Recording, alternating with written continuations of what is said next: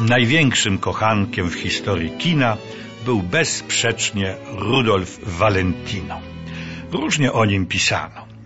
Jedni uważali, że gra Valentina ograniczała się do, cytuję, wytrzeszczania zazwyczaj zmrużonych oczu, tak by odsłonić straszliwie białe gałki, do unoszenia warg namiętnych ust, by odsłonić olśniewające zęby i do drgania nozdrzy. Inni jednak twierdzili, że wprawdzie Valentino nie jest wyszkolonym aktorem, ale jego skromność, ufność i dobre chęci są ujmujące, pozwalają nim kierować i osiągać zadowalające rezultaty.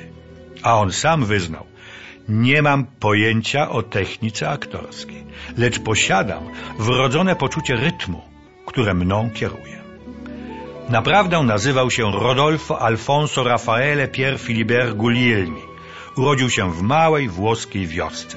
Uczył się w szkole rolniczej.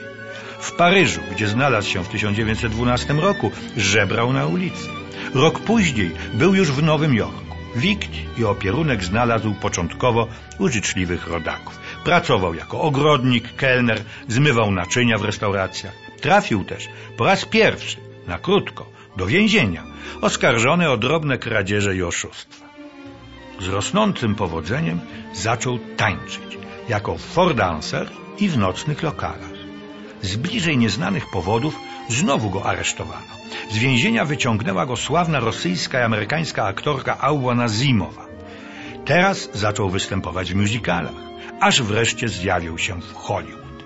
Piął się coraz wyżej. Ożenił się z aktorką Jean Ecker. Jak sam przyznawał, dosyć niefortunnie, bo młoda żona wypędziła go w noc poślubną ze swego łoża. Małżeństwo nie zostało skonsumowane.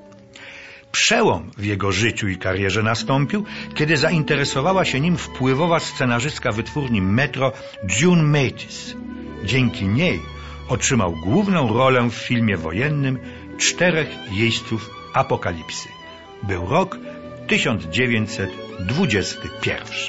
Powodzenie, przede wszystkim kasowe, przeszło najśmielsze oczekiwania.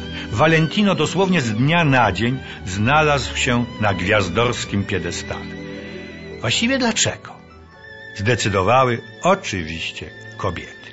Do tej pory panował na ekranach amat, wysportowany, roześmiany, pewny siebie Jankes o mentalności przedsiębiorczego biznesmena. Te cechy potrzebne były na co dzień, w realnym życiu. Ale kino to przecież kraina marzeń i snów zaspokajająca nasze tęsknoty za tym, co niezwykłe, romantyczne. Valentino realizował na ekranie te tęsknoty. Był ciemnowłosy, przystojny, namiętny, uwodzicielski, melancholijny, oddany, wzruszający. Na takie bożyszcze istniało na początku lat dwudziestych minionego stulecia zapotrzebowanie i obojętne w kogo się wcielał. Szejka, torreadora, arystokratę, maharadżę. Widzowie szturmowali kina, producenci płacili niebotyczne honoraria, prasa szalała, ze szczerego oczywiście zachwytu.